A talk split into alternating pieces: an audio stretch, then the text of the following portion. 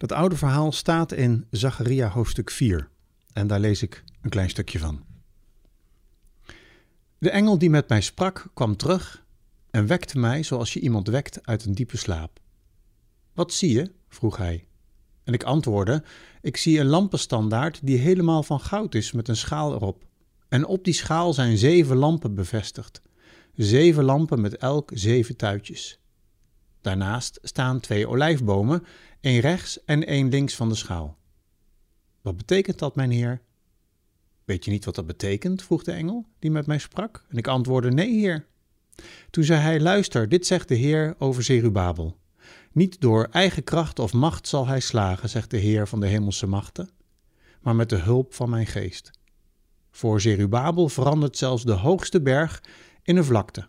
Onder luid gejuich zal hij de gevelsteen aandragen. Israël was onder koning David en Salomo een machtig koninkrijk, maar dat duurde helaas niet lang. De opvolgers van Salomo krijgen ruzie en het koninkrijk scheurt in twee stukken. Elk met zijn eigen koning, Juda in het zuiden en Israël in het noorden. En jaren later zijn ze God zo goed als vergeten en ondervinden ze daarvan de gevolgen. Er komt oorlog, ze verliezen en heel veel families en belangrijke mensen worden gevangen genomen en gedeporteerd naar een vreemd land. Gelukkig, na een hele tijd, mogen ze weer terug naar Israël. Ze mogen zelfs hun tempel weer opbouwen. Dat is natuurlijk geweldig nieuws. En in dat verwonderlijke verhaal van de herbouw van de tempel komen we Zerubabel tegen. In de profetie van Zacharia. Zerubabel was een Jood die als landvoogd was aangesteld door koning Darius. Familie van de grote koning David. En als je dat in die tijd van wanhoop en ballingschap zei, klonk alleen daaruit al wat hoop. En Zerubabel krijgt de opdracht om de tempel te herbouwen. Een prachtige opdracht. Het centrale punt van het land waar God troonde, waar mensen elkaar ontmoeten, eindelijk weer hoop en geloof te midden van de puinhopen. Maar eigenlijk was zijn opdracht onbegonnen werk. En misschien zelfs wel een beetje een rotklus. In, in Ezra 4 zien we de omstandigheden waarin hij zijn werk moet doen. Het werk wordt begonnen en weer gestaakt, begonnen en weer gestaakt. Het wordt tegengewerkt door de plaatselijke politiek.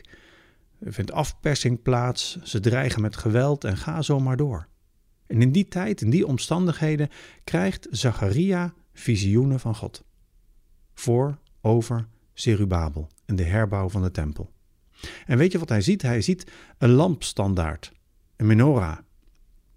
Ik denk enkel daarvan de onderkant, de voet, Daarop rust een grote schaal en op die schaal zeven lampjes met zeven pitjes of tuitjes. En naast die schaal, naast die lamp, staan twee olijfbomen of takken waar rechtstreeks de olijfolie in de schaal loopt. Een beetje moeilijk voor te stellen natuurlijk. Vers 4 is dan ook niet zo gek. Zacharia vraagt: Wat betekent dit allemaal? En dan lijkt de engel een heel ander antwoord te geven dan je zou denken. Je zou verwachten dat hij hier gaat uitleggen wat al die onderdelen van die vreemde lamp dan betekenen, maar hij begint met iets heel anders. Dit zegt de Heer over Zerubabel. Niet door kracht of macht, zegt de Heer van de hemelse machten, maar met de hulp van mijn geest.